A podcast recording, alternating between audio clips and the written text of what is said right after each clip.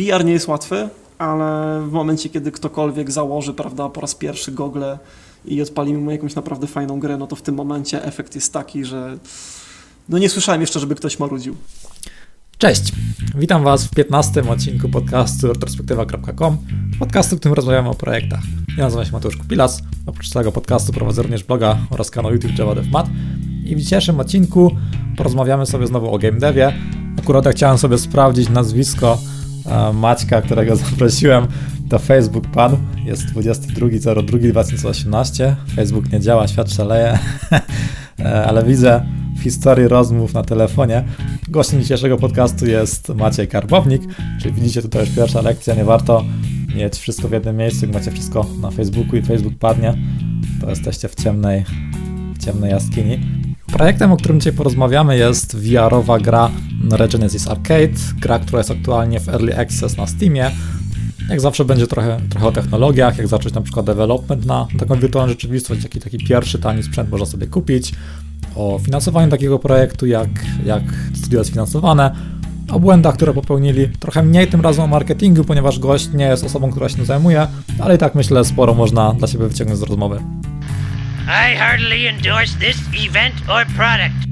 Sponsorem odcinka jest mój projekt IT Startup Gra Karciana. Taka gra karciana, w której zagrywamy karty programistów, wzmacniamy ich wiedzą i później tych programistów możemy sobie podkradać działem HR czy kartami akcji. Zapraszam do sprawdzenia szczegółów projektu pod itstartup.pl. Cześć Maciej, witam Cię w retrospektywie. Cześć, witam, witam wszystkich. Hej. Przedstaw się proszę i powiedz trochę o tym, w jakiej firmie pracujesz. Nazywam się Maciek, jestem e, designerem również częściowo programistą w Hyperbook Studio. E, no, czym się tutaj ostatnio zajmujemy, mm, to jest przede wszystkim niedawno wypuściliśmy e, strzelankę VR-ową arcade shootera Genesis Arcade. E, czym się zajmuję w firmie? Głównie projektowaniem różnych rozwiązań i tak naprawdę wspieraniem również naszego powiększającego się zespołu, przede wszystkim programistów oraz różnych grafików, w tym, żeby żeby po prostu te gry były od początku jak, jak najfajniej, jak najlepiej rozplanowane.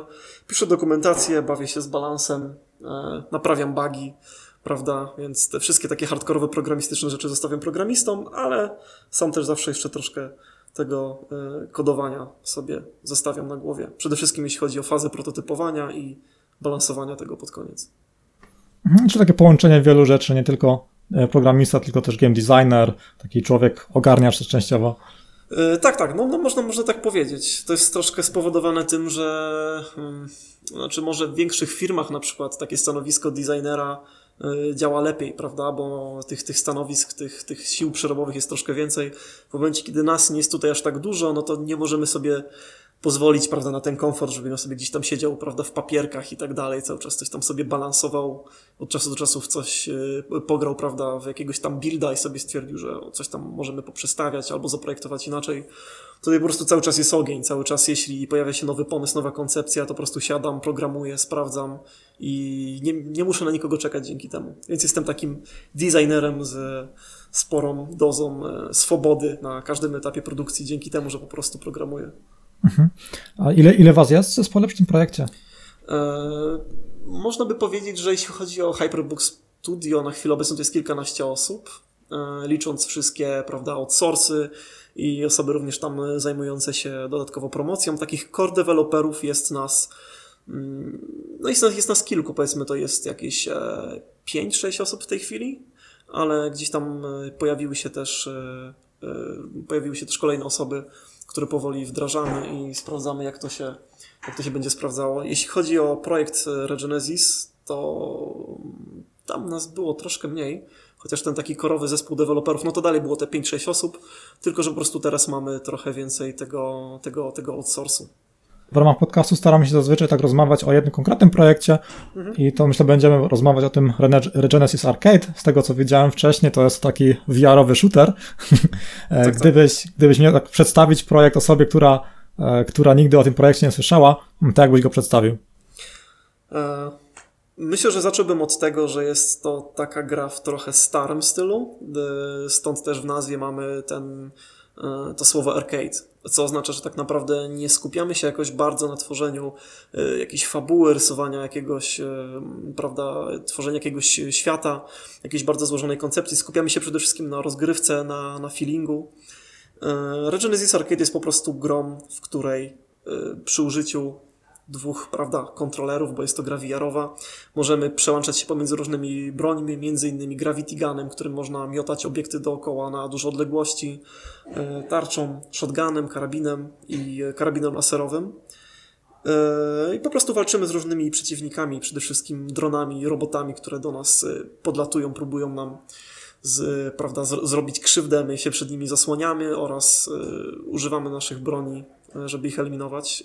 W takim największym atutem gry wydaje mi się, że jest system perków, który gdzieś tam też staramy się troszkę zawsze przy okazji promocji, przy okazji filmików wypchnąć. Jest to taki fajny system, w którym po zabiciu każdego przeciwnika dostajemy trochę doświadczenia i potem to doświadczenie, gdy sobie uzbieramy je do pewnego poziomu, możemy, wtedy levelujemy i możemy je wymienić na dodatkowe ulepszenia, tak jak na przykład właśnie zamrażanie przeciwnika, podwójny strzał, który działa świetnie z shotgunem, prawda, bo wtedy mamy tak jakby taką dwururkę i, i myślę, myślę, że to mniej więcej tyle. Mamy sporo map, yy, mamy przeciwników, zdaje się około 8 typów obecnie. Są to przeciwnicy głównie latający, ale mamy też biegające po podłodze pająki, które prawda, starają się nas otoczyć i na przykład zastępnie albo wybuchają, albo próbują nas porazić prądem.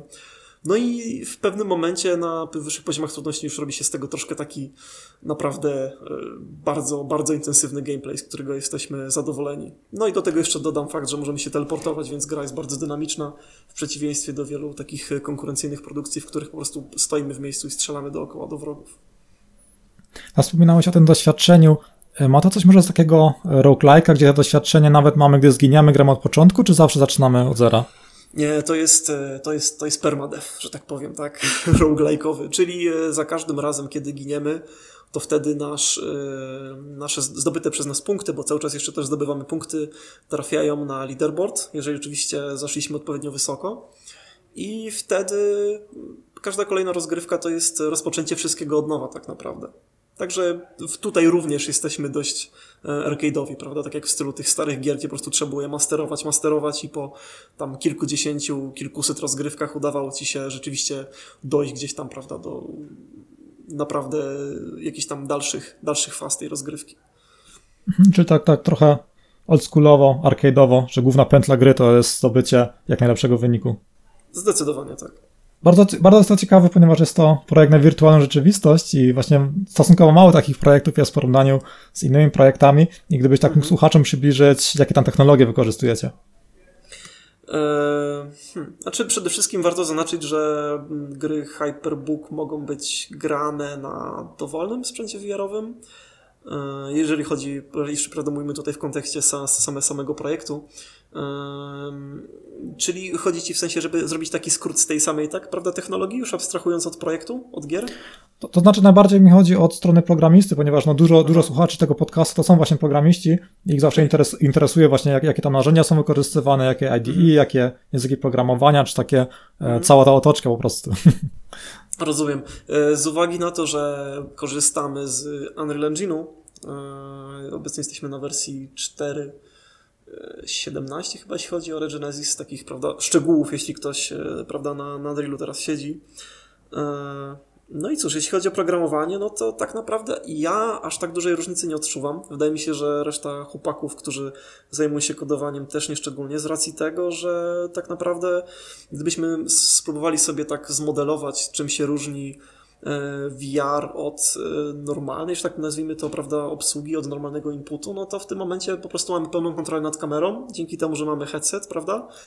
I nie korzystamy zazwyczaj z klawiatury, chociaż oczywiście możemy, tylko korzystamy z kontrolerów, więc też zmienia się ten, e, prawda, inaczej odbieramy input innymi, prawda, mamy troszkę inne wywołania dla, dla przejmowania, prawda, inputu z, z motion kontrolerów, którymi się posługujemy, którymi sterujemy, a inne wywołania dla oczywiście, prawda, przycisków normalnego inputu tradycyjnego, takiego jak game, gamepady czy, czy klawiatury. Więc tak naprawdę jeśli chodzi o Unreal Engine, a my korzystamy z blueprintów, nie piszemy tak naprawdę kodów C++, to dla nas dużej różnicy nie ma. Po prostu korzystamy z troszkę innych bloczków, Jest oczywiście parę jakichś szczegółów, w które nie warto teraz wchodzić, y, które jakoś różnicują VR od y, robienia, prawda, że tak powiem, tradycyjnych gier flat screenowych, ale tak naprawdę dużych różnic, dużych różnic nie ma. Oczywiście poza designerskimi, które są kolosalne, tak?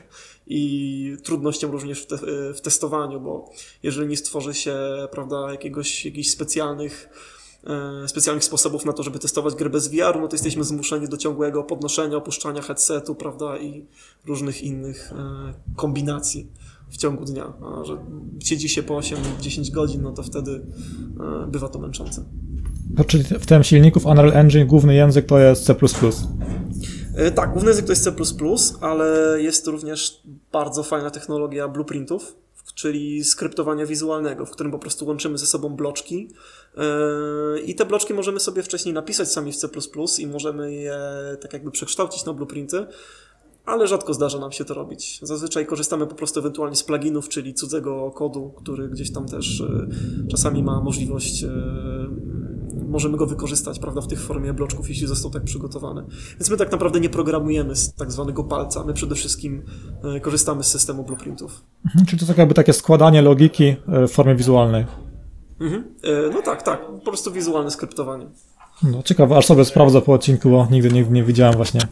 Nie, no zachęcam. Jeśli chodzi o prototypowanie i tak dalej, to po prostu, po prostu magia. A zwłaszcza jak jeszcze masz kolegę nieprogramistę, który nagle chce coś szybko zmienić, to bierzesz go na telefon i prawda, po dwóch minutach macie już wszystko załatwione. Jak to wygląda e, właśnie jak tak robicie taką VR-ową grę, jak testujecie sobie coś w trakcie, to zawsze musicie mieć właśnie ten, te całe, te, ten cały osprzęt, czy możecie też na klawiaturze i myszce jakoś to na szybko przetestować? Znaczy, no możemy, bo tak jak mówiłem, to jest, to jest, tylko, to jest tylko jakaś tam powiedzmy forma, forma inputu, nie? Więc jeśli masz też przygotowane rozwiązania pod to, żeby jednocześnie korzystać z innego inputu, czyli na przykład właśnie z klawiatury, myszki, no to w tym momencie nie ma żadnego problemu, bo prawda, po prostu tamte nody się nie odpalają, bo ich nie triggerujesz niczym, a tutaj sobie korzystasz z normalnego normalnego inputu. Nie ma, nie ma, e, że tak powiem, większego problemu, żeby w jednej grze były i rozwiązania VR-owe, i rozwiązania, nazwijmy to flat screenowe. A jaka tam jest e, najtańsza taka technologia, e, żeby sobie tak właśnie taki VR albo pograć, albo samemu się pobawić właśnie w development czegoś takiego? Jest to ten, tam był chyba taki, od Google'a było coś takiego, mhm. że to się ze smartfonem łączy. Teraz nie pamiętam nazwy. Jest, jest Gear VR na pewno. który. Ale to jest Samsungowe rozwiązanie. Powiem Ci, że jeśli chodzi, chodzi o hardware, jeśli chodzi o sprzęt, to ja po prostu, prawda, wpadam do firmy, patrzę, co jest fajnie, podłączam. Mhm. My zazwyczaj korzystamy z HTC Vive i Oculusa. Więc y, no teraz jeszcze doszło nam y, Windows Mixed Reality, z którym też całkiem fajnie to wygląda. No, po prostu ciekawi mnie, jak, jak ktoś tak, chce takie... Chodzi o, jeśli chodzi o mobilne, to tak średnio, średnio. no właśnie tak mi chodzi po głowie, jeżeli ktoś się chce tym pobawić, takie pierwsze kroki chce w tym zrobić, po prostu jak, jakie tam są opcje, takie powiedzmy najtańsze, żeby w to wejść. Mhm. Czy się może orientujesz? Wiesz co, y, mm, powiem, że nie najlepiej, ale wiem, że ostatnio była fajna przecena na Oculusa. Nie wiem, czy ona dalej jest, która pozwalała tam w jakiejś takiej, no dość, dość przystępnej cenie E, tam jakoś koło, nie chcę skłamać, koło tysiąca. Można było sobie już taki, taki zestaw załatwić razem z dwoma sensorami, dwoma kontrolerami oraz e, headsetem, czyli tym, co jest, co jest, co jest niezbędne. Jeżeli chodzi o tworzenie, prawda, budżetowe gier VR-owych, to nie wiem, czy to najlepszy wybór. Chyba, że ktoś jest bardzo zmotywowany, prawda, i naprawdę jest ciekawy technologii. No to war, warto wiedzieć właśnie, też tak myślę, że jeżeli chodzi, że chcemy szczególnie zaczynać z game devem, to VR to jest, to jest raczej droga zabawa. No już, już, już jest, już jest e, troszkę, troszkę ciężej. Nie polecam VR-u do robienia, prawda, jakichś tam pierwszych pionierskich e, projektów. Chociaż oczywiście komuś tam może podejść, ale no. Jest to, jest to wyzwanie, nie tylko programistyczne, ale również, również designerskie, bo niektóre rozwiązania z takich e, klasycznych produkcji nie przenoszą się bezpośrednio, że tak powiem. Przejdźmy może teraz do kolejnego punktu odnośnie marketingu, promocji projektu. E, czy też, też masz jakiś tam w tym, w tym udział? Masz jakieś takie rzeczy związane z marketingiem, który, którymi mógłbyś się podzielić w sprawie projektu, czy raczej, czy raczej tym się nie zajmujesz?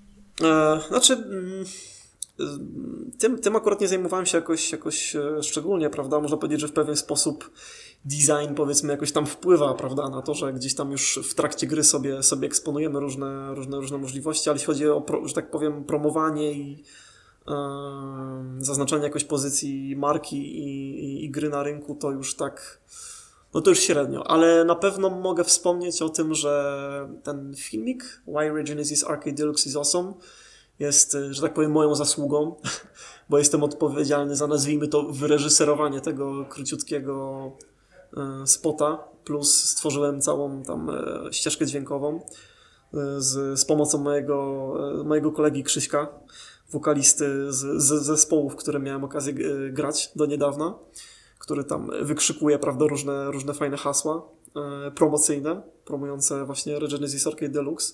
Także jeśli chodzi o ten taki wkład promocyjny, to póki co to jest przede wszystkim tyle z mojej strony. Dodam jeszcze, że ostatnio się zajmuję stronką e, facebookową Hyperbook Studio, na której można zobaczyć e, właśnie różne gify z Regenesis Arcade Deluxe, jakieś filmiki, screeny, prawda, zrobiliśmy raz update z leaderboardów, w którym zrobiliśmy sobie taki tak powiedzmy, narzuciliśmy sobie wyzwanie dewy kontra reszta świata, powbijaliśmy z, prawda, jakieś tam punkty, skory i zobaczyliśmy, ha, pewnie nas nie przebijecie, nie? Tymczasem okazało się, że, za jakiś czas, że po już nas nawet nie ma na tych leaderboardach. Takie ludzie wykręcają, prawda, wyniki. Także, także jeśli chodzi o marketing, to raczej, prawda, coś tam wrzucanie czegoś na Facebooka i, yy, i ten, ten filmik, o którym wspominałem. No, takie rzucenie wyzwania graczom to w sumie, w sumie dobry pomysł. Zawsze właśnie, gdy jest dużo interakcji, szczególnie na Facebooku, mhm. interakcja bardzo wpływa na, na widoczność postów, to na pewno... No. Znaczy jest, jest, jest, jest to całkiem fajne, w sensie mm, to się troszkę tam gdzieś nam powoli rozwija, szukamy jeszcze różnych ścieżek, różnych sposobów, żeby jakoś ten, ten zasięg zwiększyć. W ogóle też studio jest młode, prawda, więc i dotychczas ten marketing nie był aż tak intensywny, ale raczej takie właśnie inicjatywy, leaderboardy i tak dalej raczej wynikają z tego, że ja, ja po prostu lubię takie interakcje, prawda, i zawsze doceniałem to ze strony deweloperów. No, to chyba na tyle, jeżeli chodzi o ten marketing, promocję. Jeżeli chodzi o, o źródła finansowania tego projektu, i aktualnie chyba nie, nie możemy mówić o tym, czy projekt jest rentowny, ponieważ e, to dopiero jest w fazie early access. Tak, tak jest. Ale, tak, ale jeżeli chodzi o aktualne źródła finansowania e, projektu, to mógłby się tu, tutaj podzielić? Czy macie może jakiegoś inwestora, czy jest to, jest to prywatna inwestycja? E, myślę, że można nazwać to w pewien sposób prywatną inwestycją. Znaczy, raczej chodzi o to, że Hyperbook to jest marka hardware'owa, E, prawda? Jest to polska marka produkująca laptopy dla, dla specjalistów przede wszystkim. I w momencie, kiedy otworzyło się ten oddział, prawda, Hyperbook Studio, czyli oddział software'owy, w którym robimy gry, aplikacje VR-owe, e, no to wtedy głównym, że tak powiem, źródłem e, finansowania Hyperbook Studio w tym momencie jest, są, są środki zdobyte dzięki, dzięki działalności Hyperbooka, czyli oddziału, oddziału hardware'owego. Także jeśli chodzi o tematy prawda, inwestycyjne, finansowe, to, to jest taki nasz, nasz, nasz, nasz główny filar. Mhm, czyli jest to firma hardware'owa, dzięki temu zarabia i po prostu postanowili, że chcą też robić soft, w tym przypadku gry i tak e, powstał, powstał Regenesis Arcade. Czy coś tak, przekręciłem? Tak.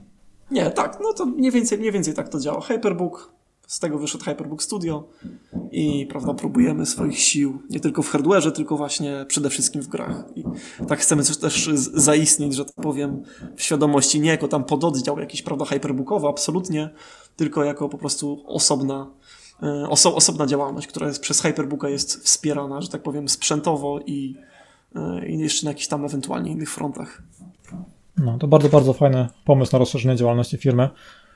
Jeżeli chodzi o, o, błędy w projekcie, gdybyście teraz zaczynali powiedzmy z tym od nowa, e, mhm. gdybyście wiedzieli to, co teraz wiecie, co byście zrobili inaczej i ewentualnie jakie inne błędy, um, największe błędy popełniliście, którymi mógłbyście podzielić? Znaczy taki najbardziej klasyczny błąd, jaki mimo wszystko, mimo jakichś tam naszych starań, e, niestety udało nam się popełnić, to jest przesadzenie z, e, z tym takim tak zwanym scopem. Tylko, że mm, miało to miejsce w ten sposób, że po prostu na samym początku miała to być jak, prawda, jakaś taka mała, że, tak powiem, taka gra, takie, takie demo powiedzmy. Nie chcieliśmy go jakoś rozwijać za bardzo, więc prawda, te wszystkie rozwiązania technologiczne pod maską były ukierunkowane na to, żeby jak najszybciej, jak najbardziej optymalnie osiągnąć te cele, które założyliśmy sobie na samym początku, czyli po prostu zrobienie, zrobienie tylko króciutkiego dema. Nie braliśmy pod uwagę rozbudowywania tego jakoś dalej szczególnie. To, to było jeszcze zanim, zanim przyszedłem do firmy, e, jakieś e, półtora roku temu, dwa lata mniej więcej. No i potem gdzieś tam powoli, powoli e, jakieś kolejne, kolejne funkcjonalności dochodziły i po jakimś czasie się okazało, że w sumie warto by mm, może jeszcze, prawda, jeszcze coś tam dołożyć. No i tak kroczek po kroczku ten, ten ilość tych feature'ów rosła, ilość bagażu związanego z kodem, którego trzeba było się, prawda, albo trzeba było go refaktorować, albo się pozbywać, albo gdzieś tam na nim bazować, bo już w sumie nie ma czasu i, prawda, jakieś kolejne targi, kolejne pokazy gonią. No i, no i tak to wyglądało, tak to się ciągnęło do niedawna, do grudnia. Więc to był chyba taki, taki, taki tak naprawdę największy błąd. Mm, Wiadomo, zawsze jakieś tam jeszcze inne różne komplikacje po drodze się pojawiały, ale tak naprawdę z perspektywy różnych innych projektów, przy których miałem okazję brać udział dotychczas, to Regenesis Arcade był takim dość bezproblemowym, mimo że, mimo że, że trwał całkiem długo tak naprawdę. Czyli taki klas klasyczny błąd z tymi featureami, że trochę za dużo na, na tą pierwszą wersję. No tak, tak, zazwyczaj tak to wygląda, więc no, można powiedzieć, że, że nam też się to przytrafiło w jakimś stopniu. Jeżeli chodzi o technologię, e, żałujecie to może jakiegoś wyboru konkretnego, czy raczej jeżeli chodzi o stack technologiczny i wszystko, że tutaj wszystko siedzi i nie było jakichś tam rzeczy, których żałujecie? E, Jeżeli, jeżeli chodzi o wybór technologiczny, czyli masz na myśli. e, Znaczy tak, czy ca cały ten Unreal Engine z tą całą otoczką, którą stosujecie, czy na przykład w, trak w trakcie coś zmieniliście, jakieś narzędzie, z którego korzystaliście i się nie sprawdziło, czy raczej to, z czego korzystacie od początku do końca jesteście zadowoleni? A czy z Unreal Engine'u jako, jako narzędzie jesteśmy bardzo zadowoleni? Uważam, że dla tego rodzaju produkcji nie ma chyba lepszego rozwiązania na rynku. Oczywiście możemy się klasycznie, prawda, jak to w kręgach deweloperów, spierać o wyższość Unity nad Unrealem. Uważam, że każdy jest dobry do czego innego, ale w tym wypadku, e, tak, ale w, ale w tym wypadku nie, absolutnie żadnych, żadnych problemów takich dylematów technologicznych nie mieliśmy. Po prostu większość z nas też ma już doświadczenie w Unrealu. Także hmm, to wsparcie dla, dla VR-u, nie wiem, nie chcę skłamać, ale wydaje mi się, że też jest troszkę, troszkę może lepsze w, wypadku, w, w przypadku Unreala i też cała taka mm, obsługa wszystkich y, bajerów wizualnych. W Unrealu po prostu mamy to już na, na samym starcie. Odpalamy engine i wręcz, prawda, wchodzę zawsze w opcję i muszę ściągnąć Bloom, muszę ściągnąć te wszystkie efekty, bajery, flary, bo po prostu to jest, tego jest tam gdzieś ponakładane. E, My się składamy głównie z e, programistów tutaj i nie jesteśmy szczególnie. mm, Nie jesteśmy może mistrzami w kwestiach wizualnych, dlatego zawsze jest nam troszkę łatwiej, kiedy nie musimy poświęcać dużo czasu na to, żeby prawda, wykręcać możliwości silnika, tylko out of the box dostajemy takie rozwiązanie, które pozwala nam po prostu skupić się na tym, co robimy najlepiej. Także jeśli chodzi o to, Unreal był, e, był, był najlepszym wyborem. Mm, Zdecydowanie żadnych, e, żadnych e, problemów większych z nim nie mieliśmy tak naprawdę. No i do tego jeszcze dochodzą blueprinty, także w kwestii tego to już prawda jest, jest, jest, jest bajka, jeśli chodzi o development. Wszystko idzie sprawnie i wszystko się szybko prototypuje, a potem dobrze doprowadza do końca. Okej, czyli, jak, czyli jak któryś słuchaczy się zastanawia, chce zrobić pierwsze kroki w VR-ze, to polecacie Unreal Engine. E, Chyba tak. Znaczy, muszę się przyznać, muszę przyznać, że nie próbowałem VR-a, nie próbowałem e, pracy z VR-em w Unity. Także ciężko mi się wypowiedzieć, ciężko mi porównać, ale na pewno da się to zrobić w, w Unrealu, prawda? Więc polecam, polecam. Okej, to pewnie. No też- też tak myślę, że jest, zawsze są za i przeciw i generalnie powinniśmy brać technologię, w której mamy najwięcej doświadczenia. Wy mieliście doświadczenie w Unreal Engine i w tym dalej pracujecie. Zdecydowanie tak. No. Jeżeli chodzi o plany na przyszłość projektu, jak to teraz wygląda? Jeżeli chodzi o Genesis Arcade, to tak jak mówiliśmy wcześniej, cały czas jesteśmy e, dostępni na Steamie w Early Access. Jesteśmy również dostępni na paru innych platformach. E, Obecnie jest to również chyba Oculus i, i Viveport, a przynajmniej pracujemy nad tym. E, Troszkę mamy tam różnych e, trudności związanych z, z, z buildami, w tym, żeby wpaść w odpowiednie kategorie, ale, ale myślę, że nie powinno to już trwać e, zbyt długo całe to zamieszanie. Także jeśli chodzi o Early Access, to tak, cały czas jesteśmy na etapie gdzieś dodawania różnych kolejnych elementów. Jest jeszcze troszkę, prawda, jakichś tam pomniejszych decyzji designerskich do podjęcia, ale przede wszystkim skupiamy się też na naprawianiu różnych rzeczy, prawda, bo development trwał dość długo.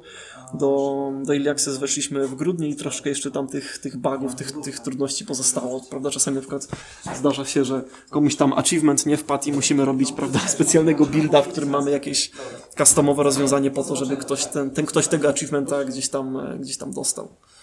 Także, także cały czas poprawiamy, ale głównie to jest już, e, jest już poprawianie bugów i być może, znaczy na pewno jeszcze jakiś content dojdzie, ale z tym jeszcze, z tym jeszcze zobaczymy. Zobaczymy, co nam wyjdzie.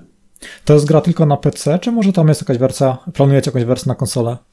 E, z konsolami e, jeszcze, jeszcze, że tak powiem, są plany, jak najbardziej, ale nie mogę żadnych takich konkretnych informacji rzucić obecnie, bo, bo jeszcze, jeszcze trochę czasu po prostu potrzebujemy na to, żeby to wszystko ustalić, dogadać, e, zaplanować. Także zobaczymy. Okay, czyli aktualny pierwszy krok, taki główny, to jest wejść na Steam i rynek PC. Tak, no na Steamie już jesteśmy, jesteśmy dostępni jak najbardziej. Mamy również, chciałbym zaznaczyć, dwie wersje e, Genesisa. Jedna wersja jest darmowa i w której troszkę jest oczywiście mniej kontentu, jest to wszystko nieco uproszczone, ale jeśli chodzi o ten taki core experience, to jest, jest całkiem, całkiem solidny. Myślę, że to jest jedna z lepszych gier VR-owych, które są dostępne za darmo na Steamie. Myślę, że nie boję się tego powiedzieć. E, oczywiście jest też e, innymi Rec Room i tak dalej, prawda? Także tego nie przebijemy, ale jeśli chodzi o te strzelanki, wave shootery, to mi się wydaje, że Regenesis Arcade Lite, czyli ta wersja darmowa jest y, naprawdę bardzo, bardzo dobrym, bardzo solidnym wyborem. No jeszcze niedługo z polskiego, z polskich produkcji chyba wchodzi Sos Sosowski z swoim Moshpit Simulator, wirtualna rzeczywistość. No tak. no zdecydowanie czekam, zobaczę co z tego wyjdzie. Miałem okazję zobaczyć y, filmik, zdaje się jakiś trailer na, na, na PGA, na, na After Party i no będzie grubo. Czekam, czekam zdecydowanie. Już kubełek, prawda, w razie czego gotowy obok setu do VR-u, bo tam jeśli chodzi o problemy z chorobą lokomocyjną, to Ło, no, no właśnie, właśnie słyszałem, że... Nie, nie brał tego szczególnie pod uwagę, nie? Ale to chyba nigdy nie było targetem. Słyszałem właśnie, że to jest największy problem właśnie w tych VR-ach, właśnie ta, e, ta choroba lokomocyjna i macie może jakiś specjalny sposób, jak temu przeciwdziałacie? E, tak, jest troszkę takich, takich trików, które można sobie e, które z czasem sobie wypracowaliśmy po prostu na zasadzie testowania tego na różne sposoby. Na przykład, e, no bo największy problem jest taki, że jeśli nasza postać w grze porusza się dość dynamicznie i jest to niezgrane, prawda, z ruchami naszego ciała, to w tym momencie błędnik potrafi oszaleć Zwłaszcza, zwłaszcza u niektórych osób to jest prawda, szczególnie mocne i po pięciu sekundach po prostu prawda, zdejmują VR, VR i już, już dziękują za grę. Także między innymi jednym z takich rozwiązań jest to, że jest u nas teleportacja, a nie to poruszanie się, które powoduje prawda, wtedy ten dysonans często. E, z tym, że nawet sama teleportacja musi być odpowiednio wykonana. Mamy bardzo precyzyjnie zrobiony timing, jeśli chodzi o wyciemnianie i rozjaśnianie ekranu, bo okazało się, że to również ma wpływ. Jeżeli to będzie zbyt długi czas, kiedy widzimy prawda, czarny ekran, kiedy jest to e, wyciemnienie, lub jest to zbyt krótki czas, no to w tym momencie e, również są, również są jakieś problemy, jest, jest, jest dysonans, jest taki lekki lekki taki chaos, prawda, się pojawia, bo nagle jesteśmy gdzie indziej, wow, co się dzieje. Także mm, no jest, jest, jest, jest troszkę jakichś takich pomniejszych, pomniejszych rzeczy. Ale tak naprawdę głównie chodzi o lokomocję oraz o to, żeby nie było opóźnień, jeśli chodzi o, e, o, o ilość klatek. Jeżeli ilość klatek spada poniżej pewnego poziomu, to to również jest prawda ten dysonans, bo ruszamy głową, a obraz, który widzimy przed oczami jest z tym e, jest, jest, jest niespasowany. Więc to są takie chyba największe, największe trudności. E, jeśli, jeśli chodzi o game design wirtualnej rzeczywistości, mm, różni się to czymś od designu innych gier i może stosujecie jakieś specjalne triki? E, hmm. Jeśli chodzi o Regenesis Arcade Deluxe, to tutaj właśnie mm, postarałem się zastosować parę takich e, pomysłów, które zawsze mi wpadały po drodze, kiedy obserwowałem inne produkcje. Przede wszystkim takie, które mają naprawdę dobry feeling, między innymi e, Nuclear Throne studia w Lambir, które osobiście prawda, uwielbiam za właśnie niesamowity, bardzo mocny, bardzo dobry feeling. E, jednym z takich trików było między innymi to, że w momencie, kiedy trafiamy przeciwnika w Genesis Arcade, to pojawia się taki, mm, słyszymy dodatkowy odgłos w tle, taki odgłos, odgłos interfejsu nie pochodzący z, z przestrzeni, tylko po prostu e, puszczany bezpośrednio do, do słuchawek gracza. E, I w tym momencie mm, nawet jeśli przeciwnik jest daleko, prawda, i nie jesteśmy pewni, czy go trafiliśmy, mamy po prostu tą pewność, że ten, że ten strzał wylądował.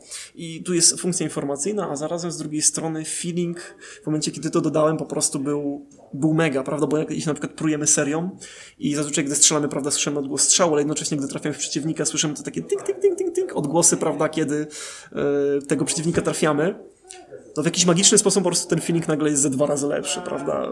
W sensie sprawdziło się to rewelacyjnie. Wiem, że to było wykorzystywane również przy innych e, produkcjach, przede wszystkim strzelankach z serii Call of Duty i Battlefield, ale, ale właśnie sprawdziłem to również tutaj i prawda, po prostu siadło tak, że, że nie mam wątpliwości, że to był jeden z fajniejszych czynników, e, jeśli, jeśli chodzi o feeling.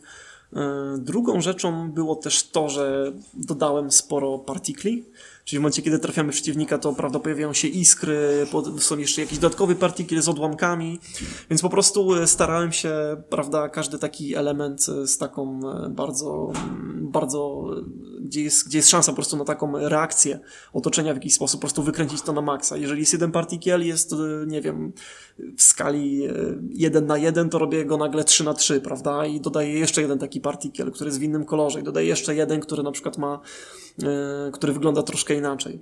I tak samo jest też z odgłosami. Jest taka fajna zasada, że jeżeli chcemy, żeby odgłos był lepszy, przede wszystkim chodzi o odgłos e, wystrzału broni, w tym momencie to po prostu dobijamy, prawda, więcej basu, robimy go jeszcze mocniejszy, żeby miał jeszcze więcej, więcej punchu.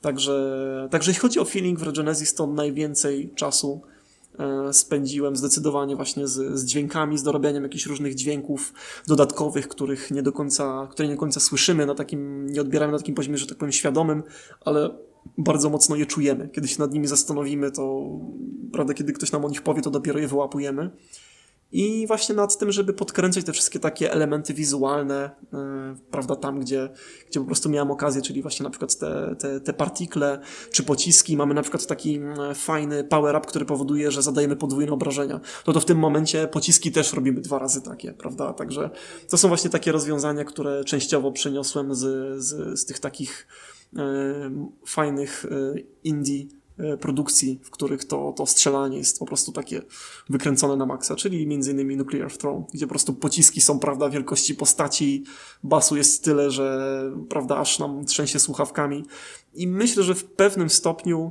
może, e, tak przynajmniej uważam, te, te rozwiązania udało się całkiem sprawnie zaadaptować e, w wypadku Regenesis Arcade. W temacie właśnie kiedyś widziałem taką fajną prezentację na temat game devu, właśnie szlifowania takich małych elementów, dodawania jakichś efektów cząsteczkowych, czy trochę mhm. właśnie poprawy dźwięku, by, by lepszy był feeling. Nazywało się to Juice It or Lose It. Taka tak, prezentacja, bardzo prezentacja. Mhm. Tak, tak, fantastyczna.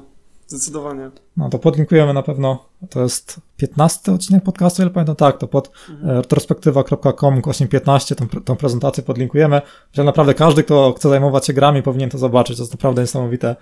Jest, jest, jest absolutnie fantastyczna, zwłaszcza ze względu na to, że oni robią to e, po prostu na, na, na przykładzie gry, którą prawda, pokazują na żywo kolejne elementy. Tak, tak, to taki, taki prosty pong i go poprawia. Tak, znaczy, może nie pong, taki rozbudowany bardziej.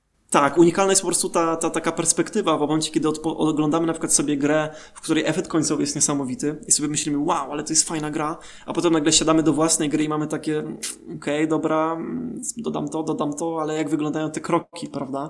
Od, czegoś to się, od czego to się zaczęło, jaka jest, jaka jest różnica, czy to jest naprawdę aż tak ważne i też ważne jest to, żeby po prostu zauważyć te malutkie zmiany, które w efekcie końcowym budują coś, prawda, niesamowitego, bo jeśli chodzi o feeling, no to mam, mam powoli, myślę, obsesję na tym punkcie już od jakiegoś czasu, między innymi dzięki, e, dzięki tej prezentacji. Jeżeli mam też okazję, to od razu wspomnę o prezentacji gościa właśnie designera z Vlambier, nazywa się Jan Willem Neyman. E, nie wiem, czy będę miał okazję na przykład e, podrzucić Ci może link po podcaście. To jest też jedna fantastyczna prezentacja, jaką zrobił, zdaje się, na GDC która właśnie dotyczy tego, że analogicznie do tej prezentacji, o której mówiłeś, Juice It or Lose It, on bierze po prostu jakąś gierkę zrobioną w Game Makerze, bardzo prosty prototyp, totalnie zero feelingu, po prostu absolutne drewno i dodaje kolejne elementy i pokazuje, jak one zmieniają ten, ten gameplay, zmieniają feeling. No i myślę, że te dwie prezentacje, jeśli chodzi o feeling, to jest absolutnie, prawda, taka designerska mini biblia wizualna. Bardzo, bardzo polecam. Po parę razy powracać do nich po prostu do skutku, aż gry będą naprawdę dobre. okay, jak to jest publicznie dostępne, to mi to po prostu podrzuć po podcaście i też podlinkujemy pod tym Jasne. odcinkiem. Koniecznie, koniecznie. Okej, okay, sobie zapisuję z taką gwiazdką, by nie zapomnieć. Tak. Okej, okay, i na koniec mam jeszcze takie pytanie specjalne. E, pod mhm. jednym z ostatnich odcinków podcastu jedna osoba bardzo prosiła, że jeżeli będę miał znowu osobę od, od game devu związaną ze Steamem, by zapytać właśnie, jak to teraz wygląda na Steamie, odkąd zlikwidowano Steam Greenlight, jeżeli chcemy trafić was, z własną produkcją na Steama, jak teraz wygląda ten proces? Mhm. Tutaj tyle, ile będę w stanie, to postaram się powiedzieć, bo nie byłem osobą zajmującą się, że tak powiem, bezpośrednio tymi wszystkimi kwestiami, e, kwestiami formalnymi, ale jeśli chodzi o sam, sam proces wrzucania gry, gry na Steama, mm, na Steam Direct obecnie kosztuje się, kosztuje zdaje się 100 e, dolców, tak, wejście na niego i w, w tym momencie, kiedy już mamy wykupionego tego tak jakby slota, nawet nie musimy mieć gry. W sensie możemy to gdzieś tam sobie zgłosić, prawda, tego slota mamy wykupionego i potem e, ten, ten build sobie wrzucamy, prawda, gdzieś tam za jakiś czas zgłaszamy do weryfikacji, więc na, z tego co wiem na spokojnie można to sobie zrobić wcześniej. E, I w momencie, kiedy już, już mamy to gotowe, prawda, jest ten oczywiście proces, e, proces, proces weryfikacji, mamy ewentualnie zgłaszane jakieś, jakieś problemy. Bardzo też polecam przygotować się na to, żeby dorobić trochę E, trochę achievementów i jeszcze jakichś takich, jeszcze paru innych elementów, które powodują, że gra dostaje mm, możliwość, można grając w nią uzyskać karty. Dla, wiem, nie, nie jestem, prawda, takim graczem Steamowym zapalonym, ale wiem, że w społeczności te karty mają dość duże znaczenie, bo można je wymieniać, e, zdaje się, na, na gry nawet w pewien sposób. Jest, można je też wymieniać między sobą. Jest jakiś e, taki system, system tradingu.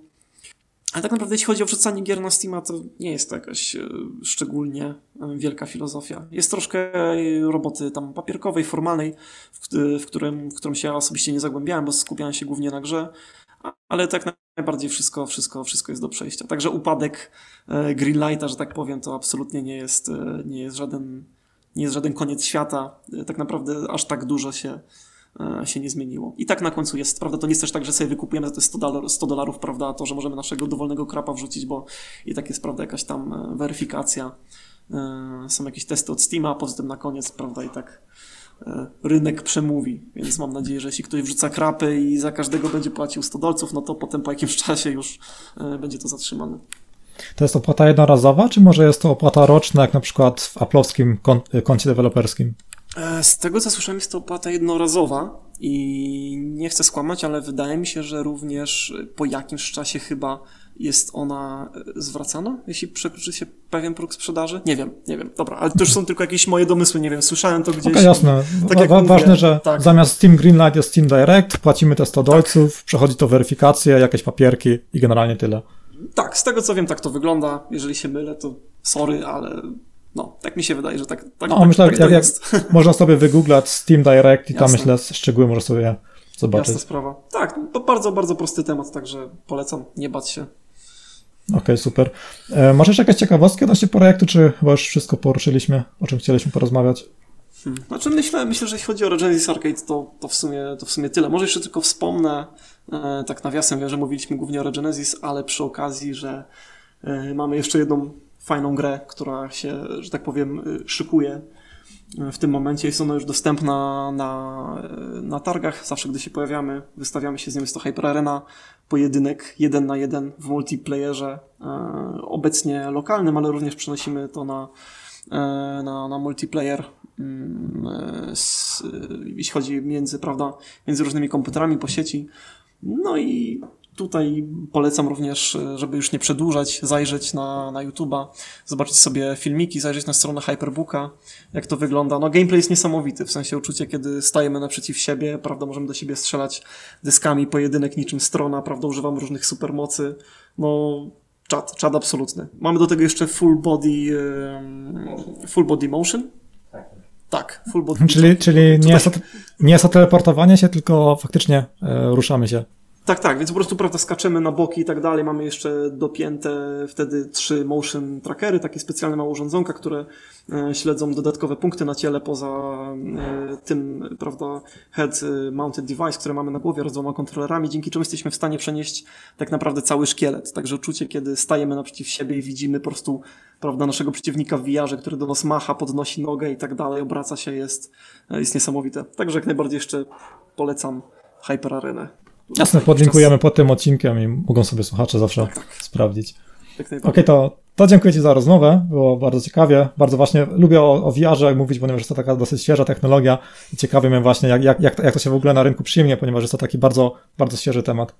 Hmm. No jak najbardziej, możliwości są, są naprawdę ogromne, myślę cały czas. Troszkę rynek jeszcze jest trudny, e, czasami ciężko się przebić, trzeba brać pod uwagę, że nie dość, że e, naszym prawda, designem tworzymy jakieś, jakąś prawda, stylistykę, którą nie wszyscy mogą akceptować, to jeszcze do tego dochodzi VR, który powoduje, że poza jakimiś tam preferencjami jeszcze są ograniczenia, ograniczenia nazwijmy to techniczne czy ekonomiczne, prawda? Biorąc pod uwagę, jaką, kogo, kogo targetujemy, więc E, no, VR nie jest łatwy, ale w momencie, kiedy ktokolwiek założy, prawda, po raz pierwszy gogle i odpalimy mu jakąś naprawdę fajną grę, no to w tym momencie efekt jest taki, że no nie słyszałem jeszcze, żeby ktoś marudził. Także jeśli ktoś nie miał okazji spróbować VR-u, to jak najbardziej polecam. No to polecamy, od, by zaczynać od e, Regenesis Arcade.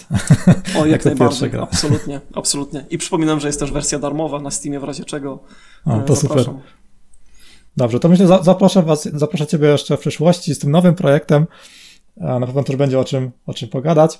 A na dzisiaj, na dzisiaj to już wszystko. Bardzo Ci dziękuję Macie za rozmowę. E, może będzie okazja w przyszłości znowu kiedyś coś nagrać. Jasne. Dzięki również. Dzięki. Do, no to co, do usłyszenia. Do następnego razu. Jasne, cześć. Trzymam za słowo. Na razie. I to już wszystko w dzisiejszym odcinku. Mam nadzieję, że Wam się podobało. Jeżeli chcecie sprawdzić sobie wszystkie linki odnośnie odcinka, na przykład link do gry Regenesis Arcade, o której rozmawialiśmy, to zapraszam na artoperspektywa.com gośnik 15, już jest 15 odcinek podcastu. Tam znajdziecie link, linki do wszystkich, um, znajdziecie wszystkie linki do rzeczy, o których rozmawialiśmy. Do kolejnego odcinka podcastu zapraszam znowu za tydzień, znowu w czwartek. Jeszcze nie wiem, kto będzie gościem, mam tu listę paru osób, ale jeszcze nie jest 100% ustalone, kto pojawi się za tydzień. E, możliwe, że Możliwe, że osobą będzie dźwiękowiec od GR tym razem, więc nie, nie obiecuję 100%, ale jest to bardzo prawdopodobne, a jak nie za tydzień, to w jednym z kolejnych odcinków. Jeżeli podcast Wam się podoba i chcielibyście go wesprzeć, to zapraszam na retrospektywa.com kośnik wsparcie. Tam możecie przeczytać, jak możecie to zrobić. Możecie go wesprzeć nawet bez wydawania pieniędzy, zwykłą oceną na iTunes, polubień na Facebooku. Takie rzeczy wpływają na zasięg i koniec końców jakoś wpływają na potencjalne zarobki z podcastu. I to w sumie tyle. Dziękuję Wam za słuchanie. Jeżeli chcecie, to usłyszymy się znowu za tydzień, albo możemy się usłyszeć za 5 minut, jeżeli sobie zawodujecie kolejny odcinek. Na koniec jeszcze przyznam się do pewnej dziwnej rzeczy. E, sam słucham swoich podcastów później po, po opublikowaniu. Wbrew pozorom, podczas takiej rozmowy, jak skupiam się na kolejnym pytaniu, może to jest jeszcze kwestia skillu jako prowadzący podcastu, to nie zawsze do mnie wszystko w 100% dociera, co, co gość mówi i słuchając sobie tego podcastu później po publikacji, w ogóle po obrobieniu tego, czy już dwa, trzy razy słyszałem, co wszystko gość powiedział, to słuchając to sobie później na spokojnie, to pewne rzeczy dopiero później do mnie docierają. tak mnie jakoś naszło na to, by pod koniec się z tym z wami podzielić. Słyszymy się znowu za tydzień. Cześć.